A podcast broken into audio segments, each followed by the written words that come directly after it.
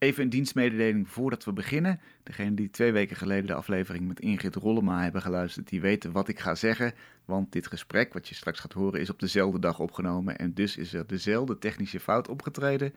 De audio van mijn spoor is niet opgenomen. De audio van mijn gast wel. Daar hoor je heel vaag mijn vragen in.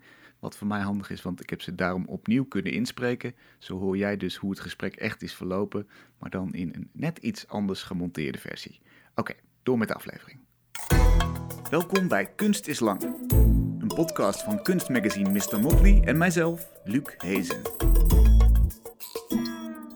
Leuk dat je luistert naar een nieuwe aflevering in een seizoen dat mede mogelijk gemaakt wordt door verschillende musea, door Kunstcentrum Stroom en onze partner voor de kunst, maar gelukkig ook door donaties van jullie. Dank aan alle luisteraars die via de website van Mr. Motley hebben bijgedragen. Dat vinden we heel fijn, want dat stelt ons in staat om nieuwe afleveringen te maken. Vandaag ben ik in Den Haag bij Marleen Sleewits. Ze heeft een bijzondere interesse voor ruimtes die nondescript zijn. Denk aan de verlaten hallen op vliegvelden, lange onbemenste gangen van hotels en leegstaande kantoren. Als ze aan de slag kan in dit soort ruimtes, stript ze die totdat hun structuren volledig bloot liggen.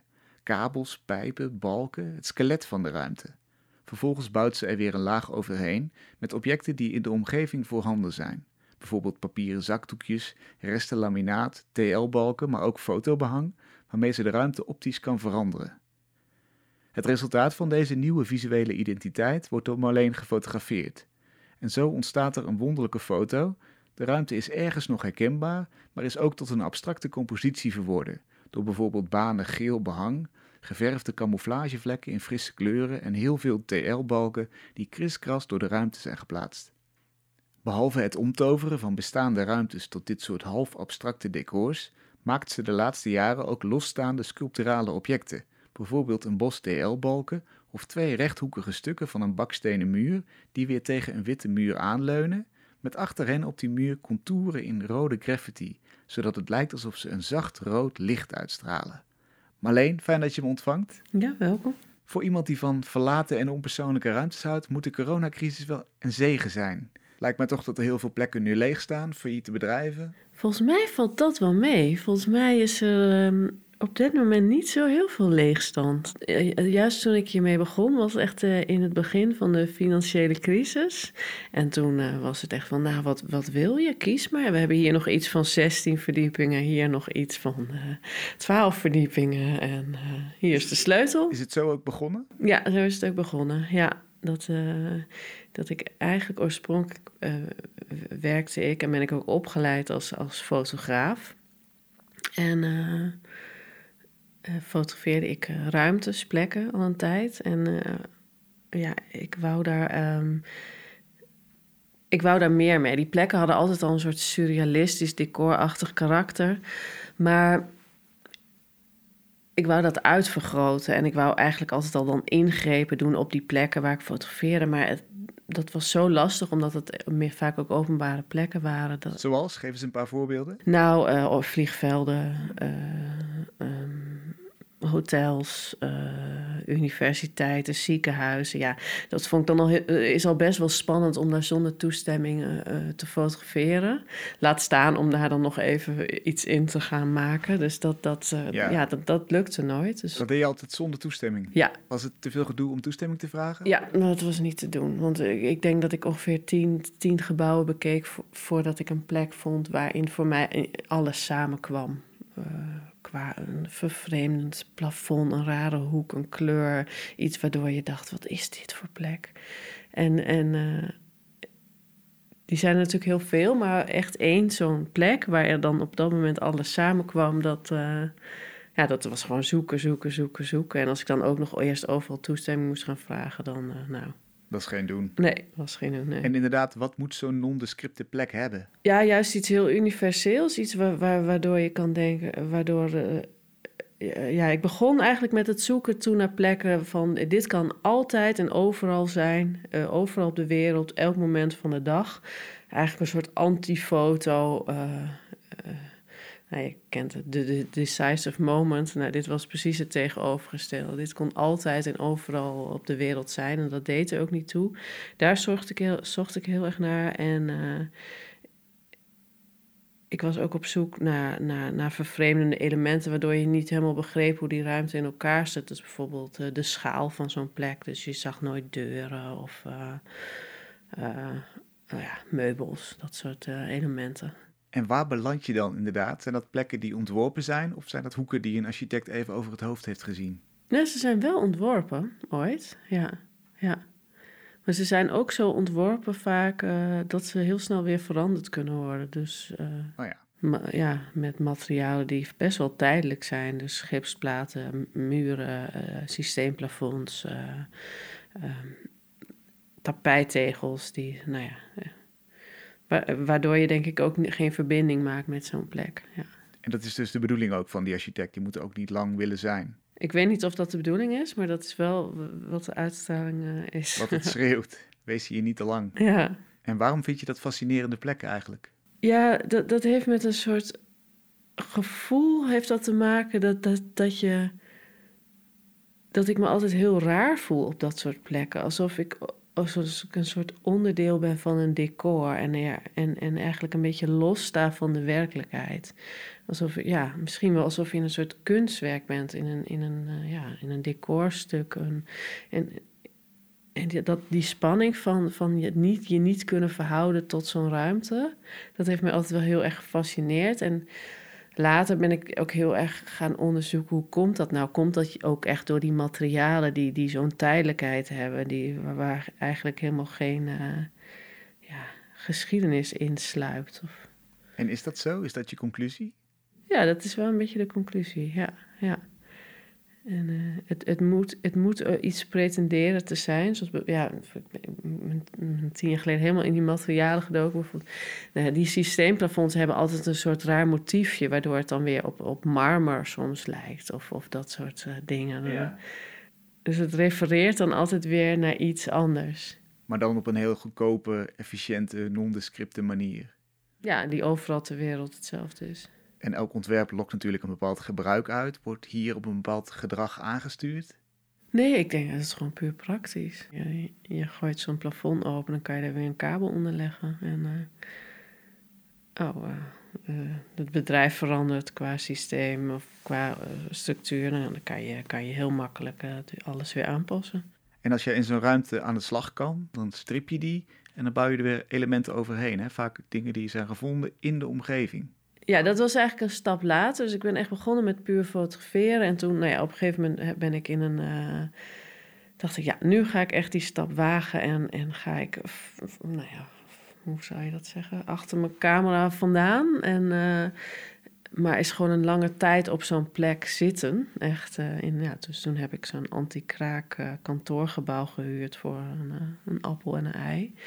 En heb ik mezelf een half jaar de tijd gegeven om, om uh, ja, wel echt met die ruimte iets te doen. Dus uh, ja, eerst heel voorzichtig door het helemaal wit te schilderen en daar weer een nieuwe ruimte met tape in te maken. En nou, gaandeweg eigenlijk uh, steeds extremer, steeds grotere ingrepen, hele, hele muren gestript, doorboord, ruimtes omgedraaid plafonds eruit gehaald, die weer omgekeerd, uh, daar dingen van gebouwd. Dus het, het, was een hele, ja, hele fijne tijd eigenlijk, omdat, het, om, omdat ik, ja, juist omdat ik was ben opgeleid als fotograaf, uh, had ik mezelf even de tijd gegeven. Ik ga gewoon spelen en ik ga gewoon kijken wat het wordt. Het hoeft ook helemaal niks uit te komen. En ja, dat was wel prettig. En waar was je dan naar op zoek? Als je zegt uh, plafonds opkeren, muren doorboren, ging je op een bepaalde systematische manier te werk? Nee, het was dus totaal niet systematisch. Het was echt de ene dag kon ik uh, een systeemplafond in, in, in 3000 blokjes snijden en, en kijken wat gebeurt er als ik dit opstapel. Ik had totaal geen einddoel voor ogen. En in het geval van het omkeren van een plafond, dan zie je op een gegeven moment iets waardoor je denkt, dit bevalt me wel. Ja, en dan ga je daarop verder. En soms, eh, nou ja, meestal werkt het niet en dan gooi je het weer weg. En, wat beviel je aan die ingreep, het omkeren van een plafond? Nou, gewoon die hele manier van werken. Ik merkte het paste veel meer bij mij. Dat onderzoekende, dat, dat uh, door middel van uitproberen, kijken. Uh, ja, een, een, veel intuïtievere manier van werken. dat, dat, dat je iets, iets doet en vervolgens kijkt, werkt dit? Waarom werkt dit? Er zit hier iets in. nou, en dan bouw je weer verder of je verandert het weer. Nou ja, een soort ja, puzzel die in elkaar valt. En dat omdraaien van het plafond, waarom werkte dat? Ja, dat werd een soort hele rare collage van, van allerlei platen die uh, op een soort uh, steen leken. Aan de achterkant zijn die uh, systeemplafonds, dus ja, een soort grijzig steen, waar ook dan weer een, een rare code is ingegraveerd. Dus je kreeg een heel ja, vervreemdend beeld waar waar je, helemaal, je had helemaal geen idee naar wat voor materiaal je aan het kijken was uh, nog. Er is één installatie waarin je helemaal los bent gegaan met papieren zakdoekjes die je altijd op de wc ziet hangen. Omschrijf eens, wat zien we daar?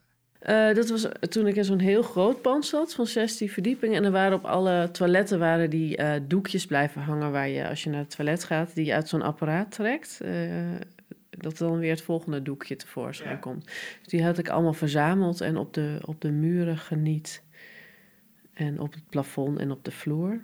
En vervolgens weer groen geschilderd. Dus dan... Als een soort vacht, een soort ja. mos. Ja. En wanneer denk je dan, dit is klaar, dit is wat deze ruimte nodig heeft? Ja, dat is wel het handige aan fotografie. Ik, ik fotografeer heel veel van die stappen. En dan... Uh, dacht ik al, ja, nu is het goed. Het begon met allemaal vlekken groen. Nou, het zag er allemaal niet uit. Nou, dan ga je weer verder, ga je het meer, weer veranderen. En op het laatst ja, ga je soms ook nog verder. En dan denk je, nee, nee, dit, dit was echt... Uh... Een stap te ver. Ja, nou ja, maar goed, dan heb je het. Dan is het niet verloren. Dus dat is wel uh, prettig. En waar moet zoiets dan aan voldoen? Als je dit voorbeeld neemt, wanneer dacht je toen, ja, dit werkt, dit is af, dit is klaar? Ja, dat vind ik moeilijk. Er moet een soort van herkenbaarheid in zitten, nog een, een referentie naar dat soort plekken. En het moet ook. Ja, ik zoek altijd wel naar een soort spanning tussen die, die vervreemding, maar ook tussen ehm, toch een soort aantrekking. Zo van, je wilt wel er naar kijken, maar het is ook heel lelijk, maar ook wel weer interessant en mooi. En een soort, en waar kijk ik nou naar? Hoe groot is dit? Uh, ja, dus er zitten allerlei uh, spanningslagen in als het goed is, waardoor je op zoek gaat naar een soort uh, aanwijzingen. Waar je toch niet uitkomt. Maar... Ja, want wat dat betreft worden we redelijk het doolhof ingestuurd. Ja, het is wel, moet ik zeggen, dat um, ik noem mijn foto's dan ook fotowerken, omdat het, het formaat waarin ik het presenteer bijvoorbeeld is heel belangrijk. Ik werk met een 8 bij 10 inch camera. Er zitten heel veel hele kleine details in, uh, waardoor je nou ja, eigenlijk aanwijzingen krijgt en, en, ziet hoe dingen in elkaar zitten of toch niet. Dus uh, ja, iedereen denkt een foto is een foto en dat kan je ook op je beeldscherm bekijken, maar dat vind ik bij mij in mijn geval niet zo heel goed werken. En op welke grootte druk je die dan af? Ja, dat verschilt heel erg. Dat, dat, dat bepaalt het beeld ook zelf. Sommige werken hebben meer iets schetsmatigs en die kunnen dan heel klein zijn. En andere heel monumentaal en die zijn dan... Nou, het grootste is denk ik 2,5 meter. En het moet ook een soort zoekpuzzel zijn. Je moet in dat beeld kunnen dwalen. Ja, ja en dat, dat formaat van die foto, dat kan dat versterken.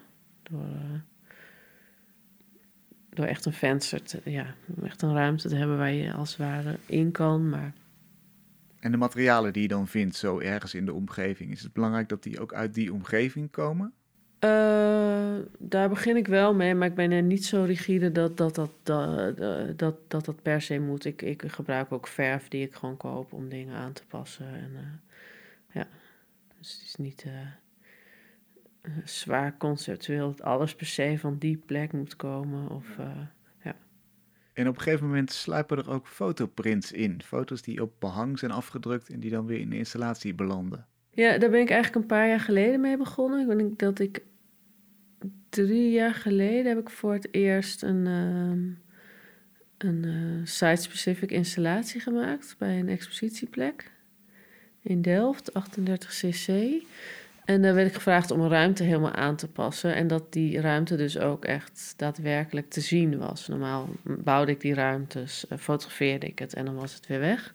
En nu, uh, nou ja, heb ik dus een, een echt een ruimte gebouwd die, die je als bezoeker kon betreden. Dus dat is best wel een andere manier van werken voor mij. Omdat je nou ja, met fotografie ook heel goed kan liegen. En door een bepaalde hoek te nemen ook een, uh, ja, een, uh, een bepaalde uitkadering uh, kan je ook een heel andere werkelijkheid scheppen. Oh ja. En hier, um, ja, die eerste ruimte, ja, dat, dat ben ik sindsdien vaker gaan doen. Heb ik eigenlijk één element genomen uit zo'n plek wat, wat mij heel erg opviel wat voor mij karakteristiek was. En dat was in dat geval een heel raar patroon van TL-buizen dat op het plafond aan elkaar was geknoopt. En dat heb ik helemaal gefotografeerd. En vervolgens heb ik de prints van die TL-buizen weer door de hele ruimte door laten lopen. Uh, als experiment. En um, uh, nou, daar werd ik heel blij van. Want ja, ik vond het gewoon, het werkt al heel goed, omdat je, nou ja, normaal heb je toch een soort afstand met fotografie, dat je naar een foto kijkt vanuit een, eh, een kader, een venster, uh, kijk je naar een, een ruimte, in mijn geval een ruimte. En nu was het eigenlijk alsof je in een soort driedimensionale foto kon stappen. En dat uh, maakte het heel, heel leuk en dat gaf ook weer heel veel nieuwe inzichten en openingen in mijn eigen manier van werken. Ook, ook door juist die ruimte weer opnieuw te fotograferen toen die klaar was, dan heb je dus de, de prints van iets en de daadwerkelijke objecten, die TL-buizen. En door dat dan weer door elkaar te zien, ontstaat er helemaal een, uh, een vervreemding. En wil je dan hetzelfde effect hebben als je met die foto's wilt hebben? Die desoriëntatie van wat is dit eigenlijk voor plek? Want dat lijkt me veel moeilijker in het echt. Dan bouw je eigenlijk een soort van decor waar je doorheen kunt lopen. Ja, dat is zeker moeilijker, maar het, het, heeft dan weer andere kwaliteiten. Dus daar, toen, daarom ben ik toen ook begonnen met die prints. Om, uh, dat had ik daarvoor nog nooit gedaan. Ineens heb je te maken met een 3D-wereld waar je ook nog in kan lopen. Ja, ja ik vind dat ik, heel interessant van waar ligt nou die grens tussen, tussen ruimte en fotografie. En uh, waar, waar overlappen die elkaar? Dus alsof je een, ja, een soort nieuwe realiteit uh, maakt die een beetje tussen 2 en 3D in ligt. Dat uh, ook uh, mooi om te zoeken. Ik had in die expositie bijvoorbeeld ook de vloer gefotografeerd. Dus een tweedimensionale vloer en daar weer een ruimtelijk object van gemaakt. Dus in die tijd ben ik heel erg daarmee begonnen om, om eigenlijk die grenzen van fotografie nog verder te, te onderzoeken. Ja, want hoe denk jij over het afbeelden van ruimte? Meestal als je een foto van een ruimte ziet, dan snap je ongeveer hoe die in elkaar zit. Maar bij jouw werk is dat natuurlijk heel anders. Wat, wat doe jij met het afbeelden van zo'n ruimte? Ja, dan speel ik heel erg met perspectief en, en, en uh, materiaal en, en, en boven, wat, wat, is waar en wat is de schaal. Uh, de, dat is allemaal verdwenen. En uh, dat is natuurlijk, als je zo'n ruimtelijke installatie bouwt, is dat natuurlijk wel heel anders. Want dan is dat gewoon natuurlijk duidelijk, want je bevindt jezelf ja, fysiek is ook. Ja, ja. bedoel, dus dat is al heel anders. Maar als je het dan weer fotografeert, heeft het dan weer nieuwe kwaliteiten. Dus dan ja, probeer ik daar, daar juist probeer ik daar net de hoeken uit te fotograferen die, uh, die juist die vervreemding nog verder vergroten door weerspiegelingen, door, door nou ja, weer materiaal te gebruiken op die prints. Dat is wat ik de laatste tijd veel doe. Bijvoorbeeld de, de, de, de foto's die ik nu laat zien, die zijn ook heel ruimtelijk. Dus daar zijn uh, stukken uitgesneden, dingen opgeplakt. Uh, dus ja, is het een object, is het een foto? Uh, daar verwerk ik dan ook weer materialen in die ik heb gebruikt in die ruimtes. En gaat het ook wel eens te ver dat je denkt, nu snap ik zelf niet eens meer wat voor ruimte dit is? Laat staan een kijker. Ja, regelmatig. ja, ja, je moet toch, je moet, ja, dus dat is altijd die grens van uh, waar, uh, je, je, moet toch wel een soort van ingang hebben. Denk van, oh, dit snap ik. Hier gaat, gaat het, hier is een, hier is een diepte, hier is een, een een beetje houvast eigenlijk. Ja, wel een beetje. Anders wordt het, als het echt puur abstract is, dan werkt het voor mij niet. Je hebt nu een installatie in de kunsthal in Rotterdam. Kun je eens aan de hand van dat voorbeeld uitleggen welke stappen je doormaakt van het gebouw naar de uiteindelijke installatie toe? Ja, ja ik ging even terugkijken net en het is denk ik de vijfde echt ruimtelijke installatie die ik heb gemaakt. Dus de mm, site-specific uh, installatie. En um, ja, wat ik dan meestal doe, is dat ik me echt laat leiden door, door, door de plek zelf. Van, uh, heel intuïtief. Ik, ik, kom daar en nou, wat valt me op? Wat, wat, uh, wat, wat, uh, wat, is heel specifiek aan deze plek voor mij? Um, met een cameraatje loop ik dan echt uren rond. En dus dat kan iets heel concreets zijn, zoals wat ik net zei, de TL-buizen aan de muur. Iets heel plat, eh, of iets heel simpels eigenlijk. Bij de kunsthal was ik, ja, was ik echt, echt gefascineerd door, door het hele gebouw aan zich. Uh, dat is, nou ja, ik, ik kon de ingang al niet vinden, hoewel ik er al best wel regelmatig ben geweest. En dan kom je binnen en dan loop je schuin omhoog en dan loop je weer naar beneden en dan kom je... Hè, en ik ben hier al geweest. Het is één groot soort modern doolhof waarin, uh, nou ja, ja, met allemaal reflecties en glas en doorkijkjes en... Uh, dat, ja, nou ja, dat kun je natuurlijk zien als iets heel negatiefs. maar ik vond het wel echt heel mooi. Dat je eigenlijk even in een soort gebouw je onderdompelt in allerlei exposities, eh, kunstwerken. En, en daar dwaal je even helemaal rond zonder enige referentie naar buiten. En uh, nou, op een gegeven moment ben je klaar. Dan ga je weer naar buiten. Ja. En uh, dat is eigenlijk het uitgangspunt geworden voor, voor dit werk. Uh, ik ben gevraagd om dan uh, iets te maken in, uh, ja, dat heet de Hellingbaan. Dus dat is eigenlijk een hele lange gang in de kunsthal. met aan één kant een hele grote glazen gevel en aan de andere kant een hele hoge witte muur. Ehm, dus best wel een lastige ruimte voor een kunstenaar om iets te maken, of tenminste voor mij. Um, en uh, nou ja, ik, ik, ik heb dat, dat gevoel van die vervreemding heb ik dus als uitgangspunt genomen. Dat, dat, uh, dat dwalen door dat gebouw. En ik ben begonnen met het fotograferen van alle reflecties in het gebouw. Omdat de materialen die bijvoorbeeld buiten zijn gebruikt, ook binnen zijn gebruikt. En dat reflecteert in elkaar. Dus je weet soms ook niet zo goed wat is een reflectie, wat is een raam. Um, en uh, dus dat, ja, nou ja, dat is het uitgangspunt geweest. En wat ik heb gedaan is, ik heb in die hele uh, superhoge hal een soort klein halletje gebouwd. Door een soort zwevend plafond te bouwen. Dus je loopt dan door een klein gangetje in die enorme hal. En in die enorme hal uh, heb ik de, de, het grid van de ramen. Dus de kozijnen heb ik door laten lopen op dat plafond en in de muren. Uh, en door middel van daar uh, prints van plekken uit, uh, uit het gebouw aan toe te voegen en heel veel spiegels, krijg je een soort, soort een aks in die ruimte waarin alles elkaar weer spiegelt. Ja, ik moet een beetje denken aan de Henny Huisman mini playback show. Dat je dan door zo'n ruimte loopt en ja, een soort magische ervaring hebt van totale desoriëntatie en dus magie en desoriëntatie, wat ze net ook opdook in je fotowerk, dat zijn belangrijke elementen. Ja, dat even helemaal losstaan van zo'n plek en daar, daar elementen uit te lichten die mij wel opvallen en daar juist de nadruk op te leggen. En die, die, ja, die even in het eh, zonnetje te zetten, zeg maar even. Uh, ja, dat je daardoor op een andere manier naar zo'n plek gaat, zo'n plek gaat ervaren. Dat vind ik wel, uh, wel mooi. Hoe lang moet zo'n effect duren wat jou betreft? Hoe lang kan het duren? Ik denk dat dat heel persoonlijk is, ja. ja. Maar wat je net omschrijft, dat je als research urenlang kunt rondlopen in dat gebouw met een cameraatje, is dat effect ook iets wat je hoopt door te geven op een toeschouwer? Ja, dat het een soort uitvergrote ervaring van dat gebouw wordt. Dat, dat zou het mooiste zijn als mensen het zo ervaren. Ja. En een belangrijk onderdeel daarvan is spiegeling. Je gebruikt veel materialen die weer spiegelen. Ja, dat is dat sommige, sommige delen reflecteren, sommige dingen zijn spiegels, andere delen kijk je ook gewoon door het glas naar buiten, maar dat lijkt een, eh, een spiegel. Uh, andere delen lijken ook weer een spiegeling, maar is een hele grote, uh, ja, hoe noem je dat, behangprint, foto, fotobehangprint.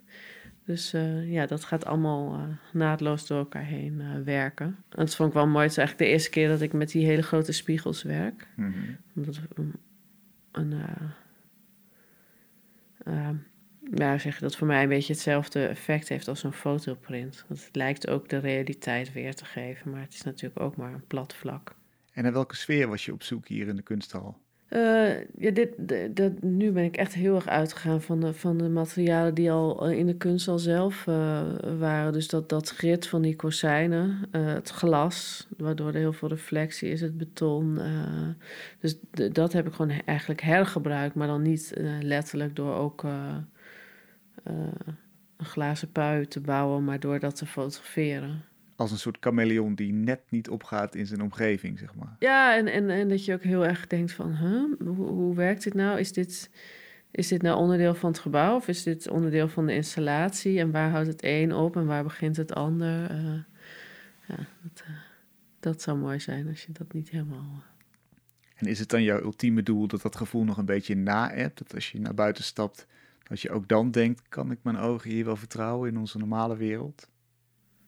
Ja, dat, weet je dat ooit als kunstenaar? Dat lijkt me heel lastig hoe dingen doorwerken. Ja, het is, het is mooi als, als, als je natuurlijk daarna weer verder loopt, in ieder geval door het museum en nieuwe dingen ontdekt. Uh, dat je ineens ziet uh, hoe raar het gebouw in elkaar zit en meer let op al die reflecties en vervreemdingen die er van zichzelf al zijn. Mm Zou mooi zijn, maar ik, ja, ik, ik heb ook weer niet de illusie dat ik iemands blik voor goed kan veranderen. Nee, je hebt wat dat betreft geen wereldveranderende ambities. Nee, nee. Want wat is dan de belangrijkste daad die je doet met dit werk? Wijs je ook de schoonheid bijvoorbeeld van de architectuur aan? Of is het echt mensen even uit hun realiteit trekken? Uh, poeh, uh, meer dat je ehm,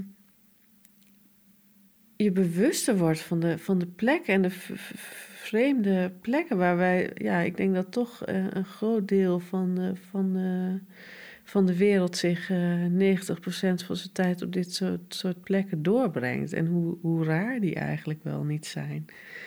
En dat, dat vind ik wel mooi om daar een soort, soort uh, bewustwording te stimuleren. Ja. Want hoe vind je dan over het algemeen dat wij omgaan met onze ruimtes? Zouden bijvoorbeeld in kantoren ja, zou daar iets moois van gemaakt moeten worden? Want over het algemeen word je daar nou niet echt opgetild als mens zijnde.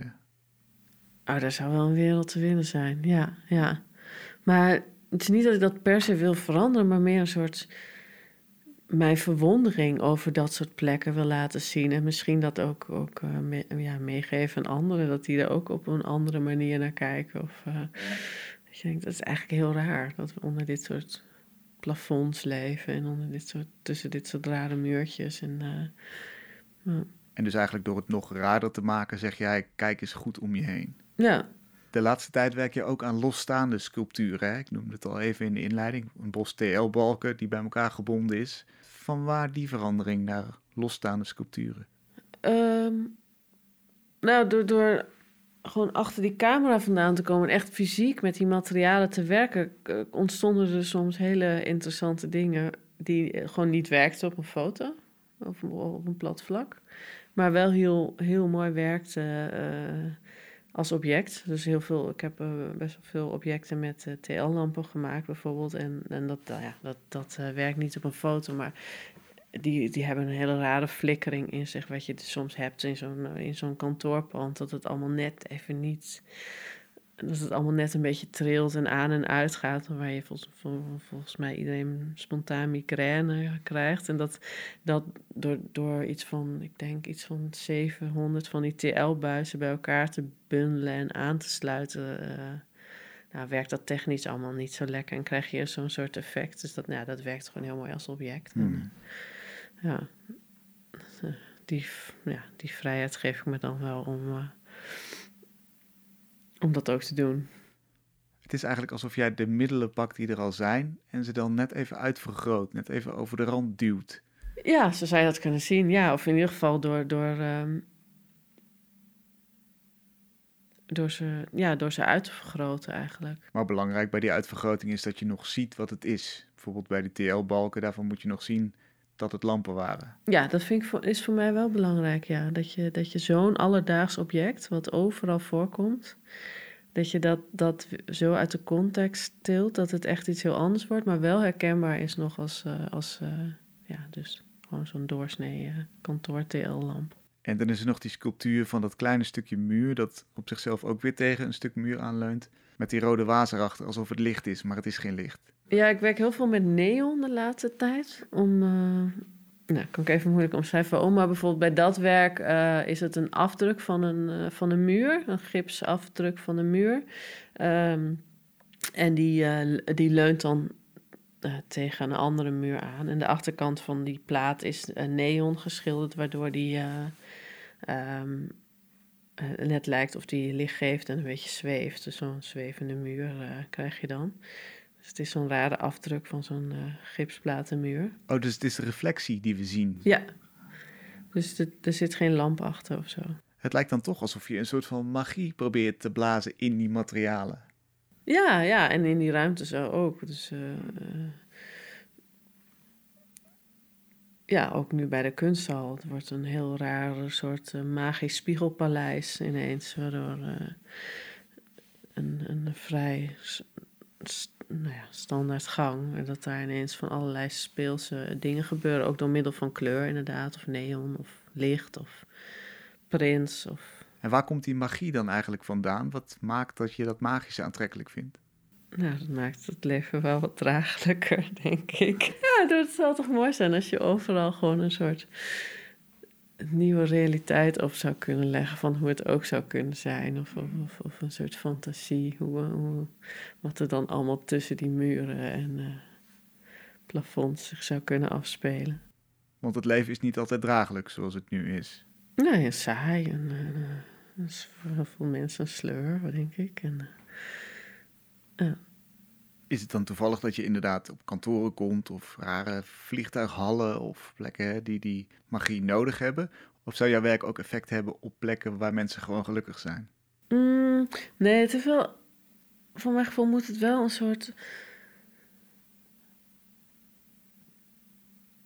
Ja, onduidelijke ruimte zijn waar de functie niet helemaal van bekend is en heel alledaags en waar je ja, niet met persoonlijke elementen erin. Dat werkt wel het beste voor mij, ja. Weet je. Een, ja, een plek is die aan ons allemaal toebehoort eigenlijk. Ja. En dus aan niemand. Want inderdaad, een hotel of een vliegtuighal, ja, dat is net persoonlijk genoeg om je niet heel ellendig te voelen, maar ook anoniem genoeg om voor iedereen uh, ja, om iedereen aan te spreken. Ja, en, en heel praktisch gezien, die, dat soort plekken werken voor mij heel goed om te onderzoeken hoe ik die vertaalslag van, van, van ruimte naar fotografie kan maken en weer terug. Dus. Weet je eigenlijk wanneer je zelf zo'n vervreemding voelde bij het zien van een fotografisch werk of een ander kunstwerk, dat je dacht, hier gebeurt iets bijzonders? Ja, zoveel. Nee, ik heb niet nu echt even één.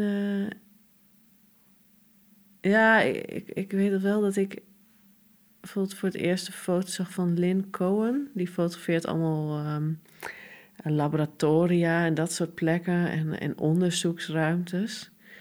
En dat je haast niet kan voor kan stellen dat dat echt bestaande werkplekken zijn. Dat vond ik wel echt heel mooi. Ja. Wat is voor jou de volgende stap? Want je bent eigenlijk al losgekomen van de camera, je hebt nieuwe elementen toegevoegd, je bent losstaande objecten gaan maken. Wat komt er nu? Mm, ja, dus ik in de voorbereiding naar dit interview ook een beetje over na te denken. Want uh, nou ja, ik heb dus tien jaar geleden of zo best wel die de rigoureuze stap gemaakt om echt te gaan bouwen en echt achter die camera weg te komen. En dat was best wel, nou ja, uh, ook wel een spannende stap. Omdat het gewoon een hele andere manier van werken is. Maar het was uiteindelijk een hele grote bevrijding. En nu evolueert zich dat heel langzaam in allemaal nieuwe vormen en nieuwe, nieuwe uitingen in mijn werk. En wat ik.